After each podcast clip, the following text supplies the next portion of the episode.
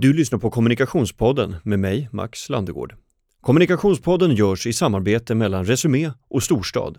Storstad är en storytellingbyrå som specialiserar sig på ljudberättelser i premiumformat.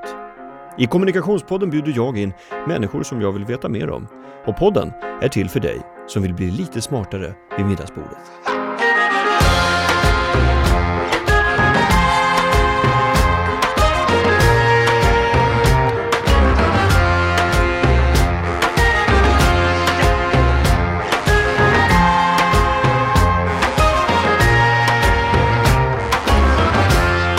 Elinor Sager, chef för branded content och reklam vid FLX. Välkommen till Kommunikationspodden. Tack så jättemycket. Du har släppt en bok i dagarna, eller är den på väg att släppas? Nej, den har faktiskt släppts. Mm. Ehm, det är en feelgood som heter Älskar, älskar inte. Mm. Som det. släpptes i början av januari. Då eh, tar vi om det. Du släppte en bok nu i januari, en feelgood-roman har du sagt själv, eh, som handlar om vad? Vi ska säga också titeln, Älskar, älskar inte. Eh, vad skulle du säga att den handlar om? Ja, men den handlar ju först och främst om, eh, om relationer. Eh, den följer två systrar som är eh, nyss fyllda 30. Eh, och jag skulle väl säga att den handlar lite grann om att när man har fyllt 30 så blir alla val så himla mycket viktigare. Du ska ha kommit en bit i karriären, du ska veta vad du vill jobba med. Det är liksom inte läge att eh, börja plugga igen och eh, du ska veta vem du vill leva med och hur många barn du ska ha, kanske redan ska ha barn. Um, ja men det är lite så att eh, när man är 20 så kanske man inte behöver tänka så mycket på alla val man gör. Men vid 30 så blir allting lite mer komplicerat. Så det är nog huvudtemat i den här boken skulle jag säga. Varför skrev du boken? Ja men för att jag alltid har tyckt om att skriva eh, och eh, liksom säkert många andra har närt en dröm om att eh, någon gång prova att skriva en bok. Mm. Mm. Ehm, men eh, har inte haft riktigt tid eller ro tidigare. Eh, men sen så blev jag mammaledig och då har man kanske inte så jättemycket tid över men man har i alla fall tid att låta sig vara lite kreativ. För vi kanske alla kan eh, komma överens om att vara hemma med ett spädbarn är inte superkreativt. Det är ganska mycket same same varje dag. Jag har en eh, kompis på Facebook. Han skrev på sin sista dag av föräldraledighet att det var den värsta perioden i hans liv. Okej. Han fick 125 likes för den. Äntligen någon som kan tala sanning. Eh, men eh, ja, okej, men du passade på att skriva en bok samtidigt som du var föräldraledig? Alltså. Ja, eh, jag tänkte att det är kanske nu eller aldrig. Mm. Så att jag passade på lite när Amanda då, min dotter, sov. Och hon sov ju inte så långa stunder så man fick vara ganska strukturerad Mm. eh, helt enkelt. Men det var mycket, mycket roligare än vad jag trodde att Mm. det skulle vara. Eh, Det finns ju säkert vissa som lyssnar nu och tänker bara hur hann hon med att skriva en feelgood-roman eh, under föräldraledigheten? Men det är ju vissa människor som bara är lagda åt det hållet, att man ser till att ha tid med det. ja, Jag startade upp en lokalradiostation när jag var pappaledig. du liksom. ser.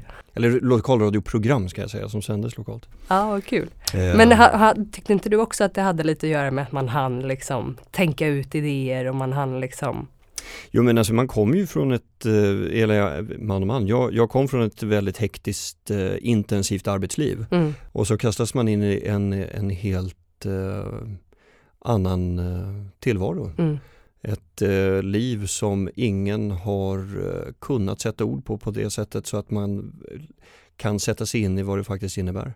Och eh, arbetshjärnan hos mig kunde aldrig stängas av. Och därför så ville jag fortsätta göra någonting.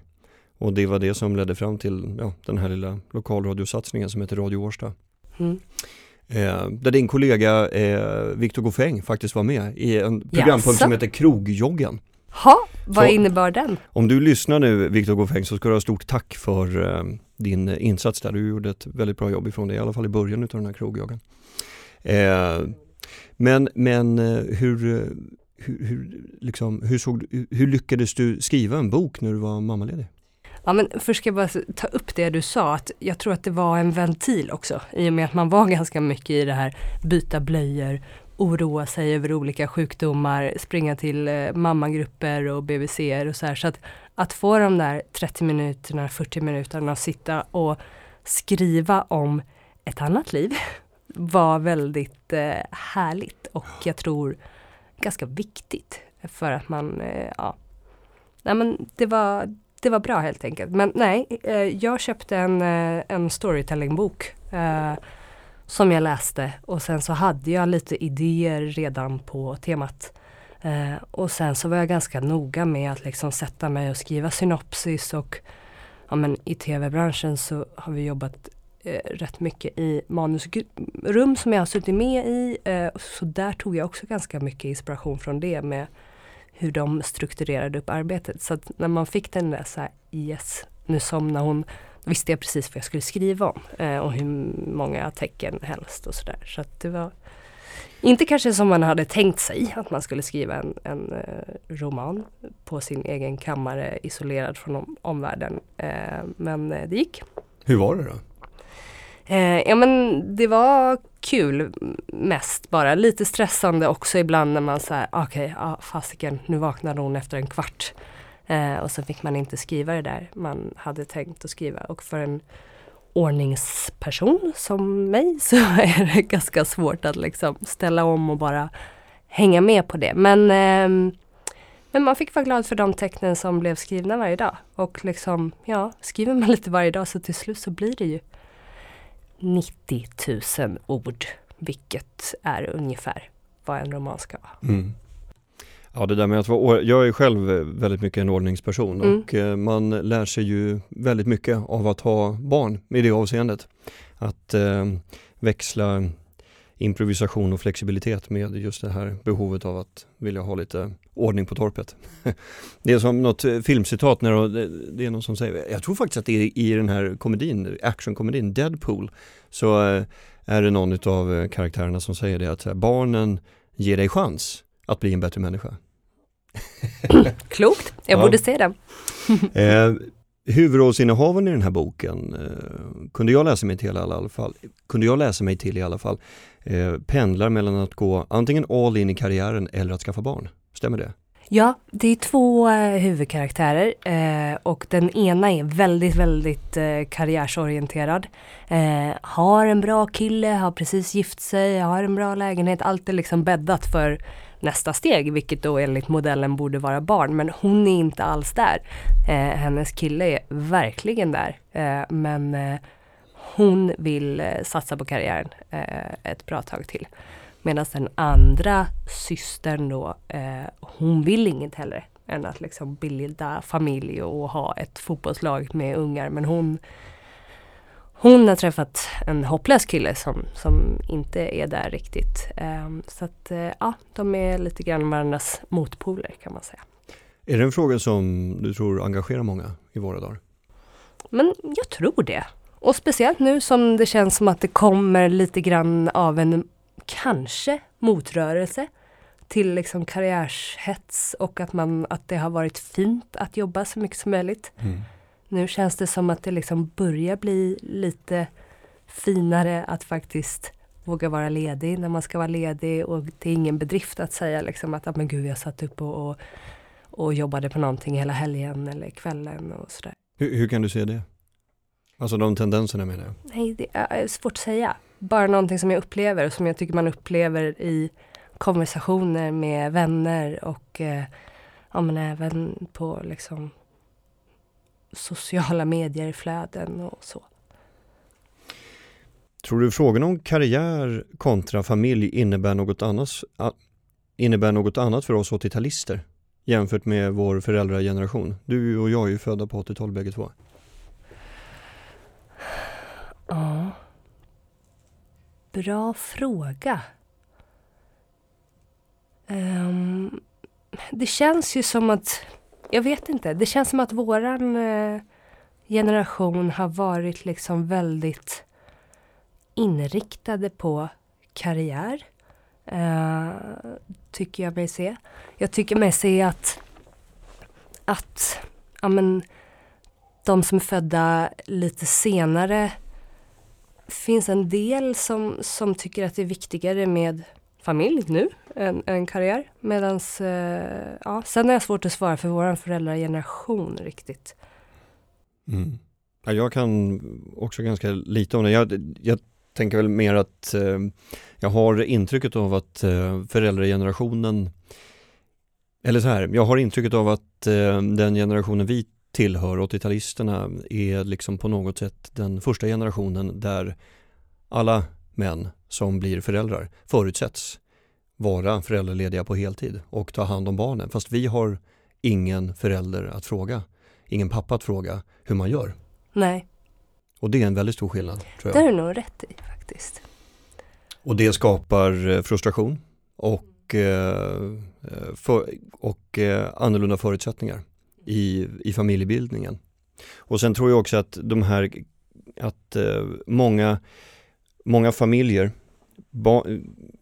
familjer i 80-talist, alltså 80-talistfamiljer, de uppväxta i hem där rollerna har varit väldigt eh, traditionella. Mm.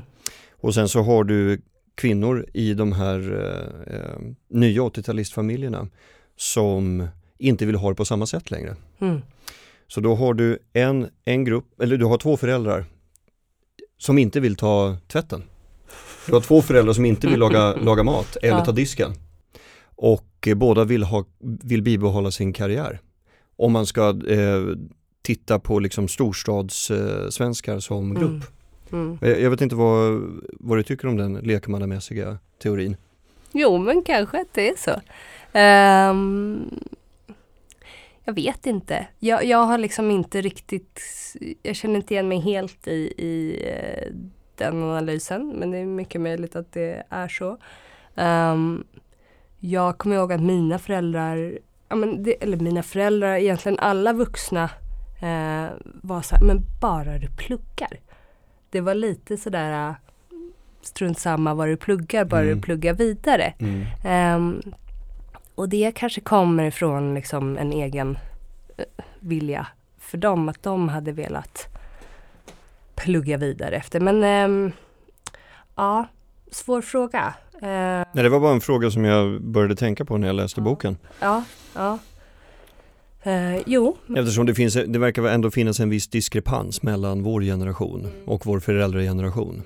Ja, verkligen. Men tror du inte också att det är så här jag tycker att man känner att man blir så frustrerad ibland på den biologiska klockan också. Framförallt som kvinna. Att så här, ja men jag tror att många utav mina vänner och, och jobbarkompisar hade sagt, men jag hade gärna väntat tio år till med att bilda familj. Eh, om det hade funnits en möjlighet, vilket det ju rent biologiskt inte gör alltid. Eh, och jag hade gärna liksom jobbat på med det här roliga jobbet och, och liksom inte tänkt på det där riktigt eh, förrän kanske det hade gått fem, sex, sju år till. Ja, någonting som slår mig när man är 30 plus det är ju att man, man när man liksom blickar tillbaka så förstår man ju hur lång tid saker tar. Liksom. Ja. Att eh, jobba sig upp till en viss nivå, att eh, den här etableringsåldern kan ju liksom sträcka sig över 15 år innan man hittar Precis. något eget boende eller eh, och så är det många gånger som, eh, du vet, fa familjebildningen kan dröja av olika anledningar, man vill mm. plugga klart, man försöker skaffa barn och det går inte eller vad det nu kan vara liksom. Ja men om man kanske pluggar längre nu, eh, man kanske pluggar fler år och liksom tycker att det är, man har blivit fostrad med att det är så himla viktigt med utbildning så att man lägger längre tid på det. Och som du säger, det kanske liksom förskjuter allting mm. lite grann. Ja men apropå det här med biologisk klocka så läste jag den här eh, eh, Resumés lista. Mm. Eh, 100 talanger under 30 som ja. kommer att eh, bli din chef och ge dig dojan 2022 eller vad det Visst blir man stressad? Ja, jag blev så jävla stressad. Jag blev stressad, frustrerad, avundsjuk och irriterad i en härlig sömnlös blandning. Ja. Eh, och kände bara vad fan, här har man precis eh, tyckt att man hade lite swag och liksom bra koll. Eh, men så det kommer ju nya människor varje dag. Ja, liksom. ja det gör ju det. Eh, det var ganska roligt för då vet vi att den här, eh, vi har ju den här PR-killen John Mellqvist, jag har glömt bort för tillfället var han jobbar någonstans, men han har ju drivit väldigt hårt den här frågan om åldersismen, Mhm. eh, om åldersdiskriminering. Mm. Eh, och är väl av lätt insedda skäl eftersom han jobbar med PR ganska inriktad just på, på vår bransch också.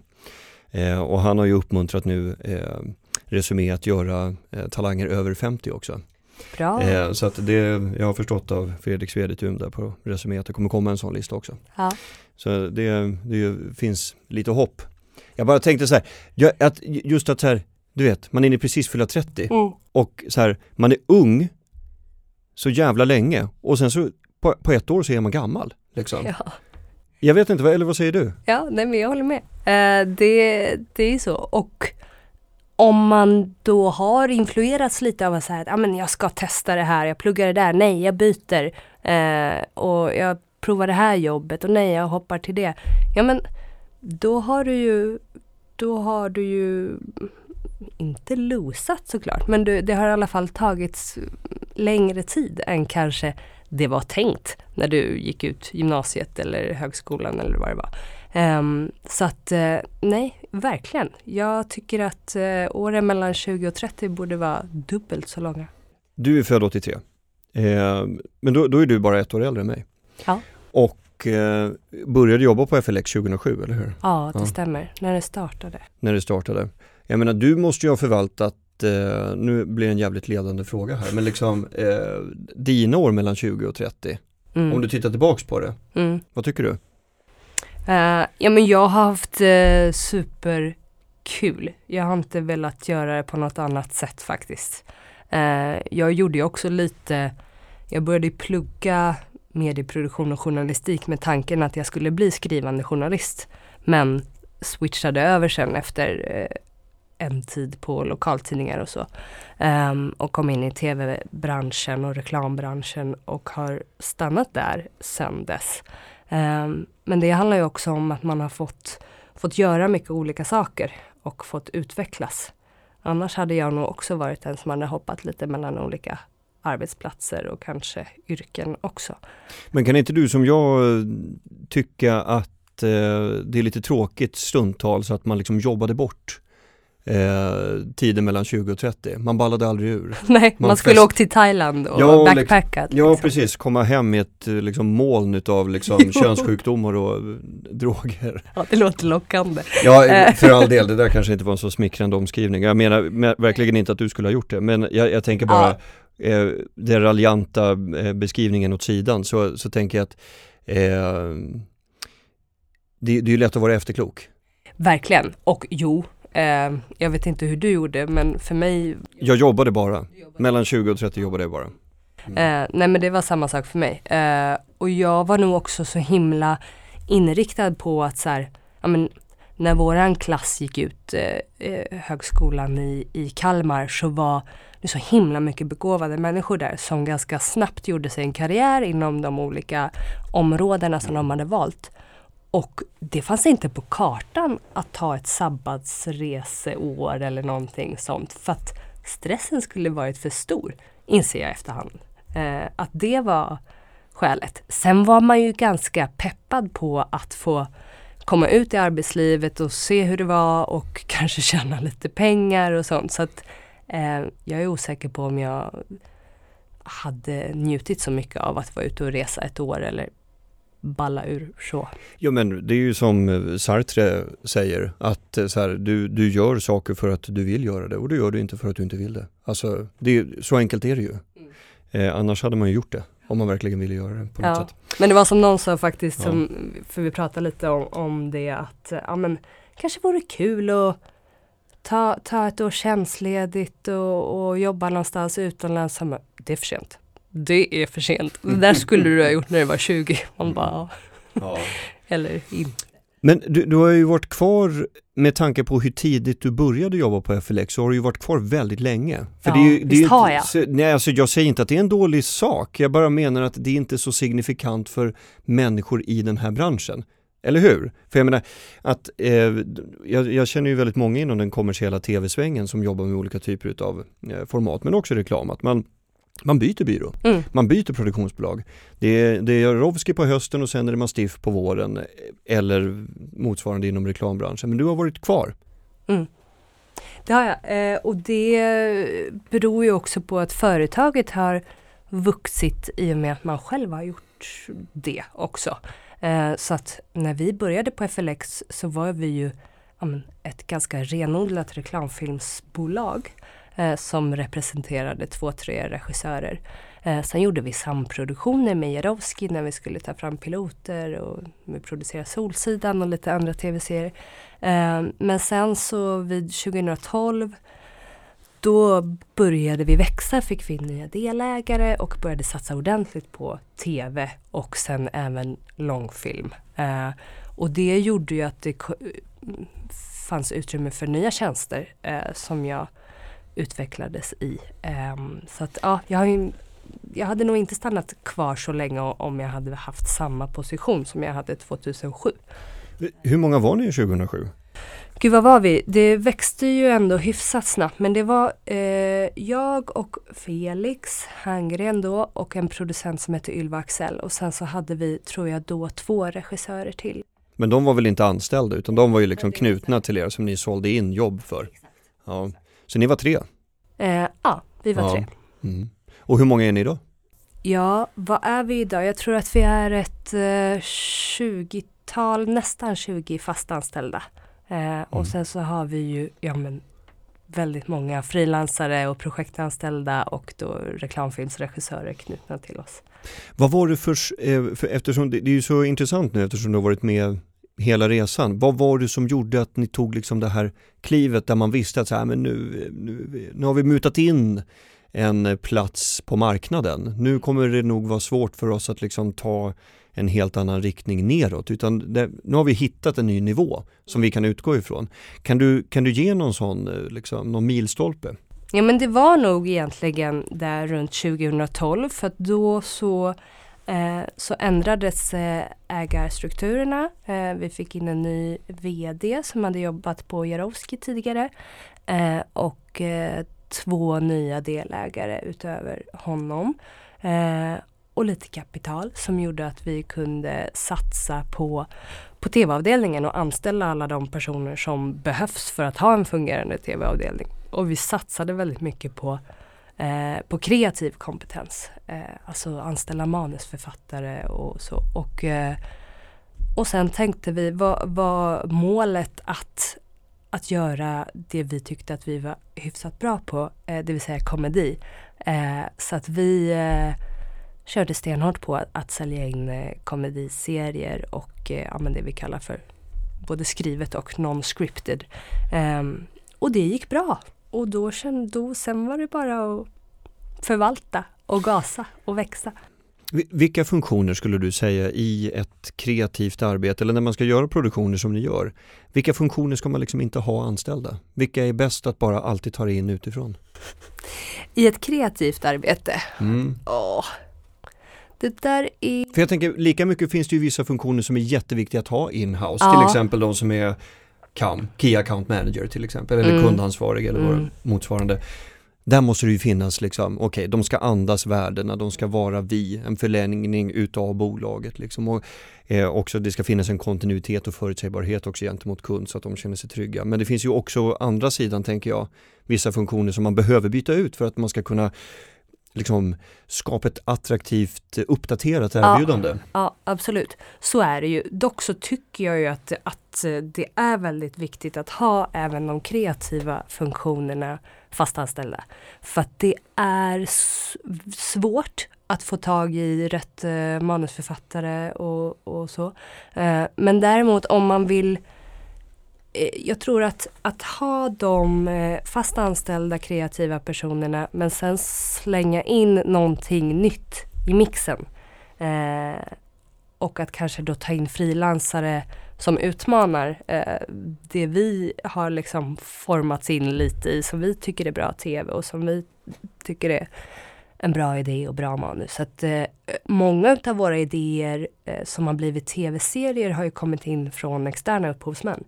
Och det är jättebra. Alltså att, att vi tar in eh, externa personer som får komma in och pitcha nya idéer. Eh, och sen så tror jag att det är bra, som sagt, att, att man tar in personer som utmanar lite grann eh, de duktiga personer man redan har inhouse. Du som är chef för branded content och reklam inom FLX, hur, hur ser ni till att differentiera er gentemot andra aktörer eh, på marknaden? Jag tänker, det, är ju många som erbjuder filmproduktioner idag. Det är det verkligen. Eh, och eh, ja, men vi försöker jag vet inte om vi differentierar oss eh, så otroligt mycket men vi är väldigt måna om att vi, eh, att vi tar in jobben av en anledning. Eh, och att det är en hög idéhöjd på de jobben vi gör eller i alla fall att det finns en grund för att kunna ta dem till någonting som vi verkligen känner att det här står vi för och det här tror vi på. Um, men det är det ju många som gör också. Så att, uh, men det som jag tror just på branded content, om man pratar om det, som, uh, som är bra för oss är att vi, uh, vi jobbar så mycket mellan avdelningarna. Och vi har alla manusförfattare, Eh, en del med också AD och copy-bakgrund eh, och vi har non-scripted utveckling så att om vi får ett uppdrag att säg, ta fram en webbserie för ett företag så kan vi liksom handplocka de personerna inom bolaget som passar för att utveckla den här idén. Och sen så sätter vi ihop det teamet, liksom utvecklarteamet um, utifrån de förutsättningarna som finns. Och där kanske vi är lite annorlunda från andra bolag, att vi har så många olika kompetenser inhouse. Uh, vad, vad inrymmer du i branded content? Visst är det ett svårt begrepp? Ja, det, ja alltså det är ju gud, det är som så här god mat eller ja, men... som när jag jobbade på P4 så här vi spelar bra musik. Ja, det vågade man ju knappt säga, då ringde ju folk direkt och nej, nej, men, nej gud, det här kan ju raljera över hur länge som helst men bara ordet content är ju ett speciellt val av content. ord. Content! ja, jag vet. Allt är väl content. Men eh, nej men så här, vi, ja, vi, eh, vi har sagt att eh, eh, det som faller inom då branded content mm. på FLX är allting som är företagsfinansierat till största del, men som inte är klassisk TVC-reklamfilm. Okej. Okay. Ja. Så att webbserier, dokumentärer, eh, inhouse-produktioner, ja. Ja, men där du har en affärsmodell som är liksom, okej, okay, idén står för sig, finansiären står för sig, finansiären har, eh, har ska liksom få någon outcome av idén och sen så har vi en, en tredje eh, liksom, distributionskanal. Eller? Kan man säga så? Ja, kanske. Det, mm. Ja, eh, nedkokat. Men eh, mm. Vad är svårast med att skapa branded content? Eh, jag tycker att det är, ja, men så länge man har ett företag som är med på att så här, vi kan inte bara göra en enda lång reklamfilm för det blir inte bra. Utan det här är ju någonting som... Hur många kunder är med på det? jag tänker bara, vad är det kunder, för vi ska återkomma till det här, vad som är svårast med att skapa branded content, men det här är ju en del utav det. Vad, vad är det kunder sällan förstår i utvecklingen av en idé? Men jag tycker ändå att, att de som vi har gjort branded content med, vi, vi, kanske har haft tur för att vi har träffat kunder som, som har fattat att vi måste göra någonting där storyn är viktigast. Eh, att folk behöver kunna söka upp det här själva och att det ska vara så pass intressant så att de men, söker upp det och tittar på det. Vi har ju också ofta ett, ett filter mellan oss och kunden i form av en byrå eh, som, eh, som kanske har gjort det här jobbet då innan. Eh, är det de det som kanske är skönast? Att jobba mot byrå och inte direkt mot slutkund? Men det är både och tycker jag. Eh, ibland är det superinspirerande och kul att jobba direkt mot en kund om man är på samma nivå och att man förstår varandra och har samma vision. För det är ju också superviktigt. Att vi måste vara så himla bra på att kommunicera våran vision. Och inte liksom att vi förstår deras behov och önskemål och att man inte eh, ritar upp något luftslott över hur det ska bli medan vi egentligen vill göra bra storytelling medan liksom varumärket får, får Mm. vara inom den bara. Eh, Vad, vad har du för knep där? Ja men att, att försöka i pitch och även i, i alla delar fram till inspelningen ehm, verkligen försöka i allra möjligaste mån att visualisera och gå igenom i detalj vad vi ska göra och i detalj hur grafiken kommer vara och ge referenser. Har man budget och tid så kan man ju också göra en skissfilm eller till och med en pilot så att alla verkligen är med på noterna. För att jag tycker ofta det är där det brister, om det brister. Att vi har inte samma vision. Um, så att, uh, ja. Mm. Ja, jag håller med. Vi jobbar ju med samma sak, så det är därför jag har så initierade frågor som det verkar. Verkligen. Eller hur? Oh my god. Vilka är det som är mest förtjänta av att visa sina produkter eller erbjudanden i branded content? Du får inte svara alla. nej men, nej, men det, det måste ju finnas vissa saker som, Ja. är, som tjänar mer på branded content. För jag tänker till exempel inom FMCG så kanske det bara är bättre att så här, du vet, en korv, 10 spänn, billigt, Ja, det är nära. Liksom. Verkligen.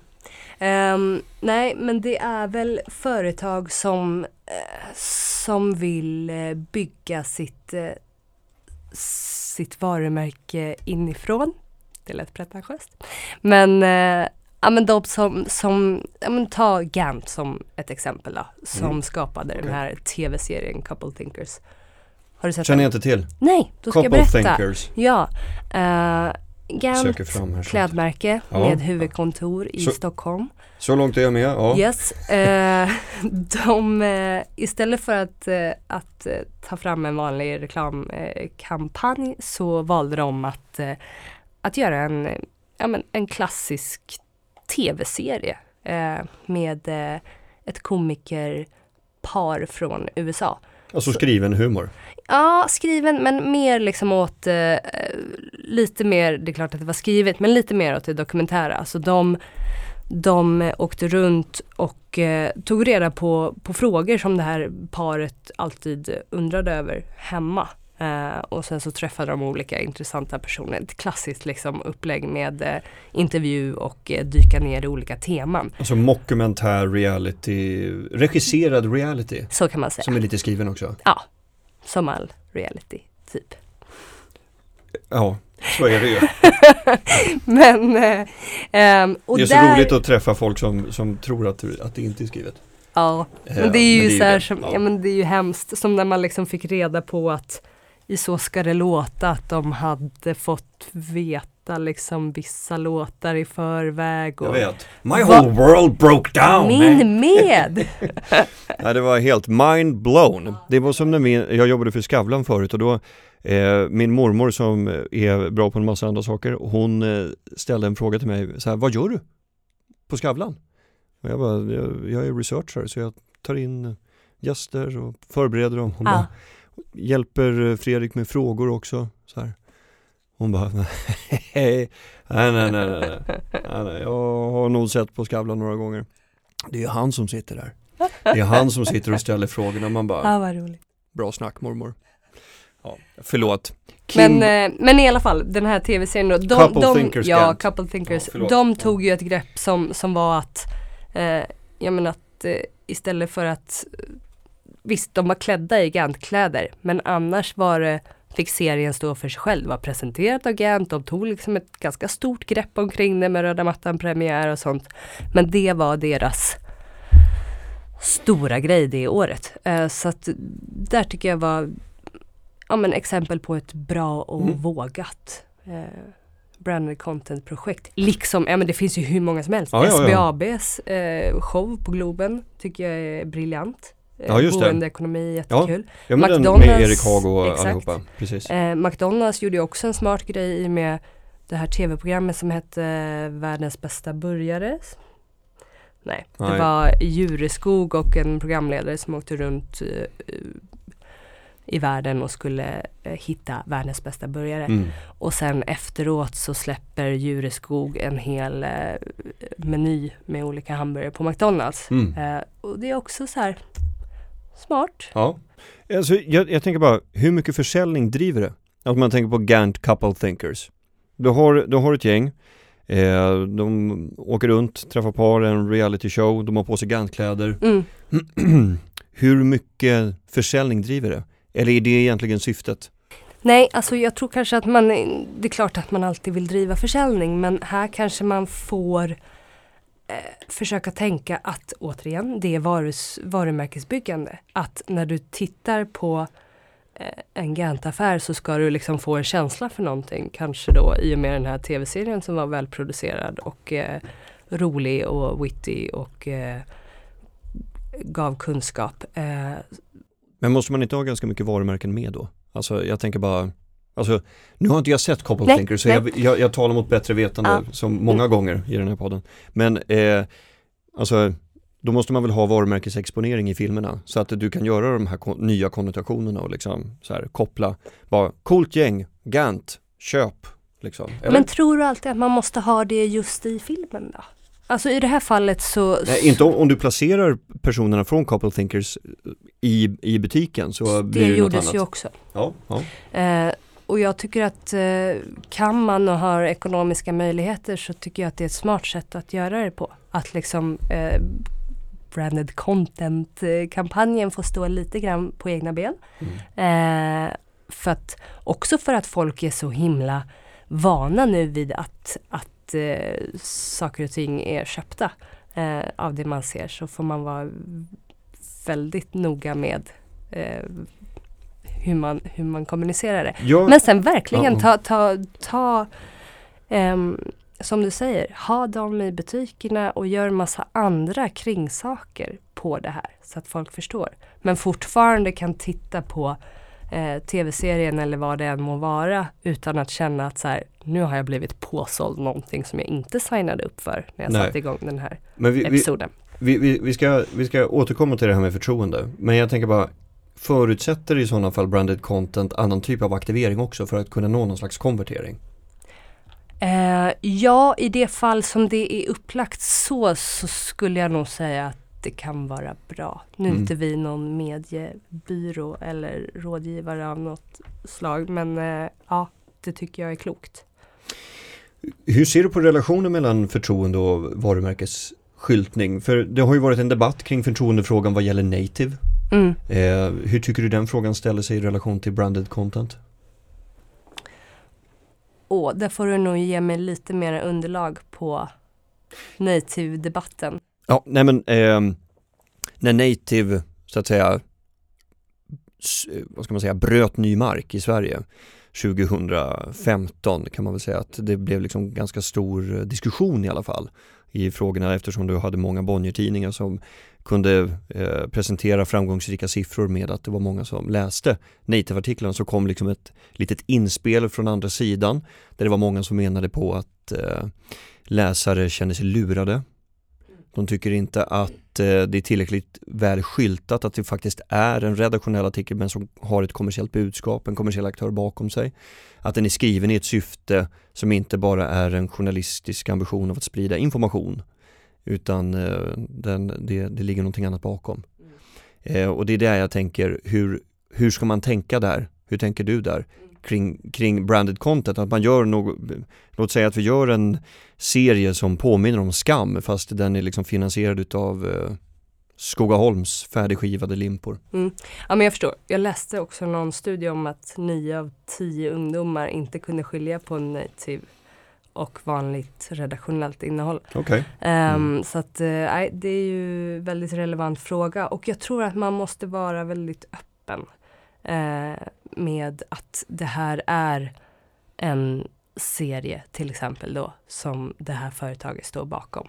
Eh, och sen får tittaren själv välja om man vill se den eller inte. Eh, men där kan man ju också fundera lite på för att branded content kanske är hyfsat nytt men om man tittar på produktplacering eh, det är ju inte speciellt nytt. Om man tänker på produktplacering i Ja, tv-serier och så. nej, nej, Men jag bara tänker inte. på sambandet eller samman, om man jämför de två så, så är det ju ja men där har man egentligen verkligen inte bett om att få se ett varumärke Nej. i en tv-serie till Ja, men- exempel. Men börjar du titta på en branded content-produktion där det står tydligt att så här, men det här är eh, det här är en produktion från Volvo som har gjort Mm. en tv-serie säger vi. Ja, då är man ju någonstans, då har man ju någonstans köpt det när man börjar titta. Mm. Eh. Man, man, man ingår i ett kontrakt menar du? Liksom, på något sätt. hoppas det. Men det är en bra fråga. Alltså till, till skillnad från typ, eh, vad heter den då? Eh, Design- Designated Survivor på Netflix. Där eh, medarbetarna i Vita huset eh, och Kiefer Sutherland och allihopa hela tiden igång efter annan alltid ska fira eller eh, inte fira med Macallan whisky. Eh, det, det, det hör man i nästan vart och varannat eh, avsnitt. Liksom. Ja. ja, men jag säger inte att det inte är, det kan absolut vara en problematik men, men jag tror att det är en problematik som finns i andra upplägg också. Ja, nej, jag var bara intresserad Mm. av hur du eh, Det, ställer dig kring frågan. Va? mm, ja men Alltså- tydlighet tror jag är, är viktigt ändå. Att, att man är tydlig med vem som är avsändaren. Och det vill ju varumärken ofta vara. Ja. Du, hur många har du på din avdelning som du liksom basar över? Ja, eh, vi är, eh, jag har tre stycken som jag jobbar väldigt eh, nära med. En exekutiv producent, en eh, affärsutvecklare och en produktionsledare. Sen delar vi på en utvecklingsgrupp eh, mellan branded content och eh, vår non-scripted avdelning. Eh, så att där har vi dem till 50% att utveckla idéer eller sitta med pitchar och så. Eh, och sen så har vi, gud det här borde jag verkligen ha kollat upp innan, 16 regissörer tror jag Ja.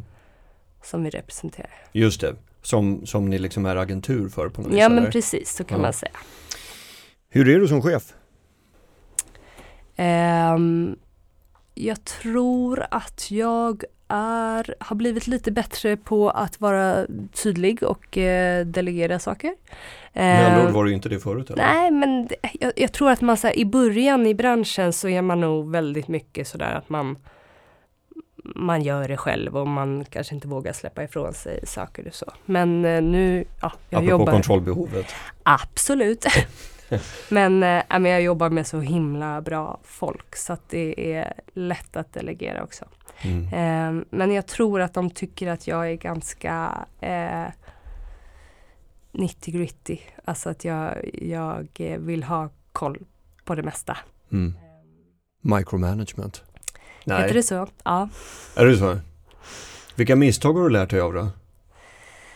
Eh, ja men det är nog framförallt eh, det här med eh, delegerandet. Eh, att man har tagit på sig för mycket och det största misstaget man kan göra är ju att tänka att äh, jag gör det själv för det går snabbare.